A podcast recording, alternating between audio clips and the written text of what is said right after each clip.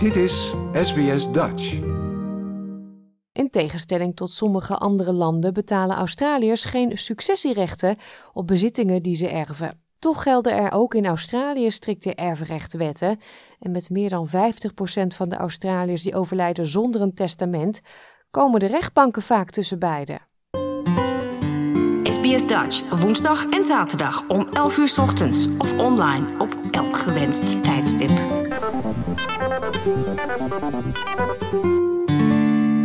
Wanneer iemand overlijdt, kunnen bezittingen die achterblijven worden doorgegeven aan familie of vrienden. Dit staat bekend als deceased estate. En degenen die het ontvangen worden de begunstiger genoemd. Melissa Reynolds is de Executive General Manager van Trustee Services voor State Trustees Victoria. Ze legt uit wat voor bezittingen mensen allemaal kunnen erven.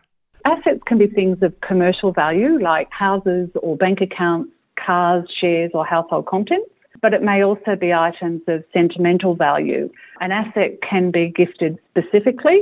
I give my car to person A, or it may be a legacy, like I give my neighbour the sum of $10,000. Or an asset may be left generally. For example, I leave the whole of my estate to my children.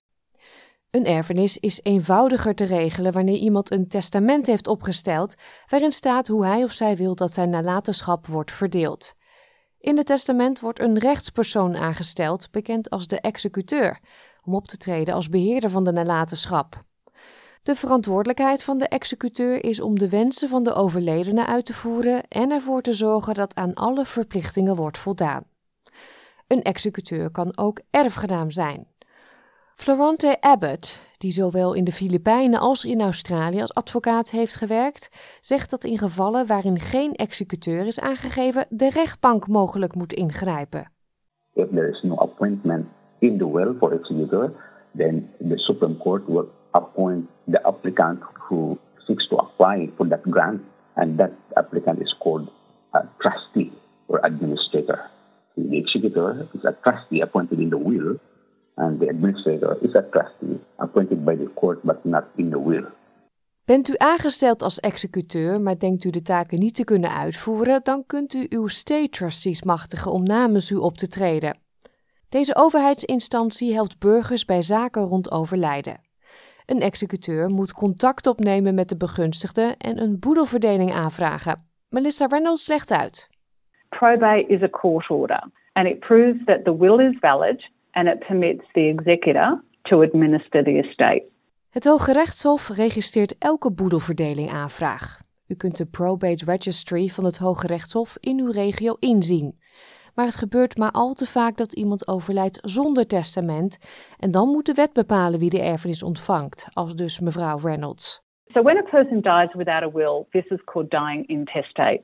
And there is a formula in each state set out in legislation which specifies who is to receive the estate and in what percentages. You have no say in how the estate is distributed. The person deemed to have the greatest entitlement to the estate can lodge an application for a grant of probate, or they can authorise a public trustee to administer the estate.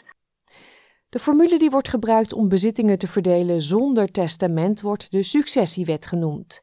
De meeste bezittingen gaan over het algemeen naar de langstlevende partner, de rest gaat naar eventuele kinderen. Neem bijvoorbeeld de New South Wales Succession Act. Hierin worden de familieleden in een bepaalde volgorde opgezomd, zo zegt de heer Abbott. If there is a spouse or a de facto partner and there is no children, all of it will go to the partner.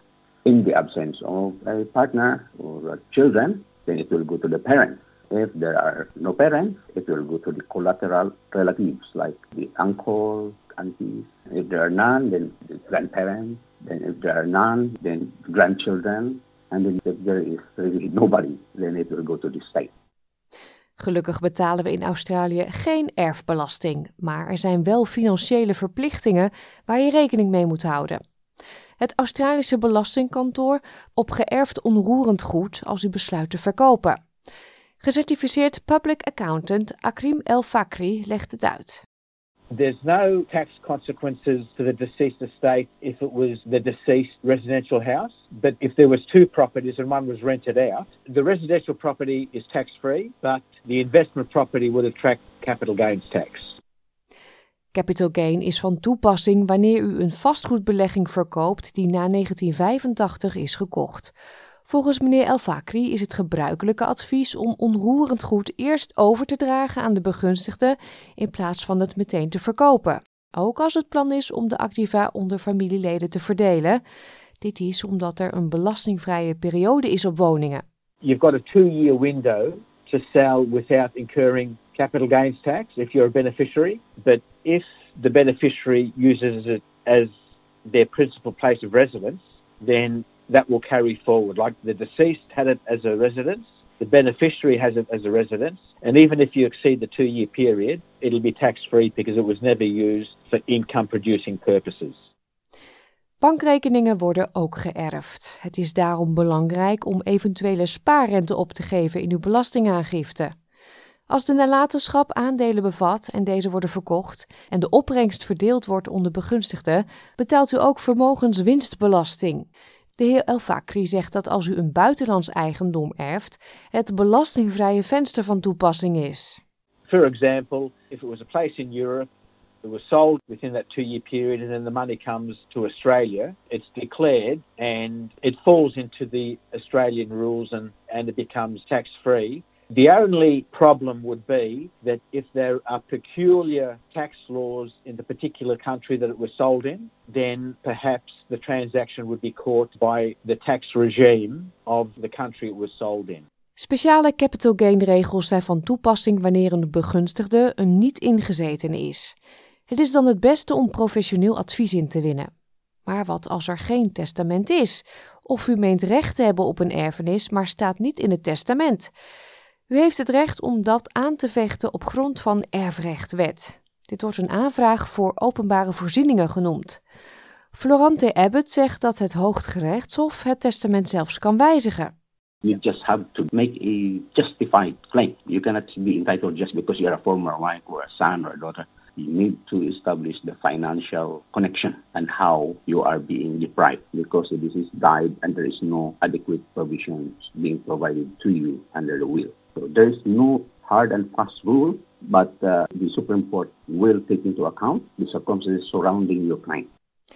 Erfenissen kunnen ingewikkeld worden, maar er is altijd hulp beschikbaar. Organisaties zoals het Law Institute of Victoria en Law Society of New South Wales kunnen lijsten verstrekken van advocaten in uw regio die mogelijk uw taal spreken of gespecialiseerd zijn in erfrecht. Melissa Reynolds wijst op de aanwezigheid van state trustees in elke staat en elk territorium.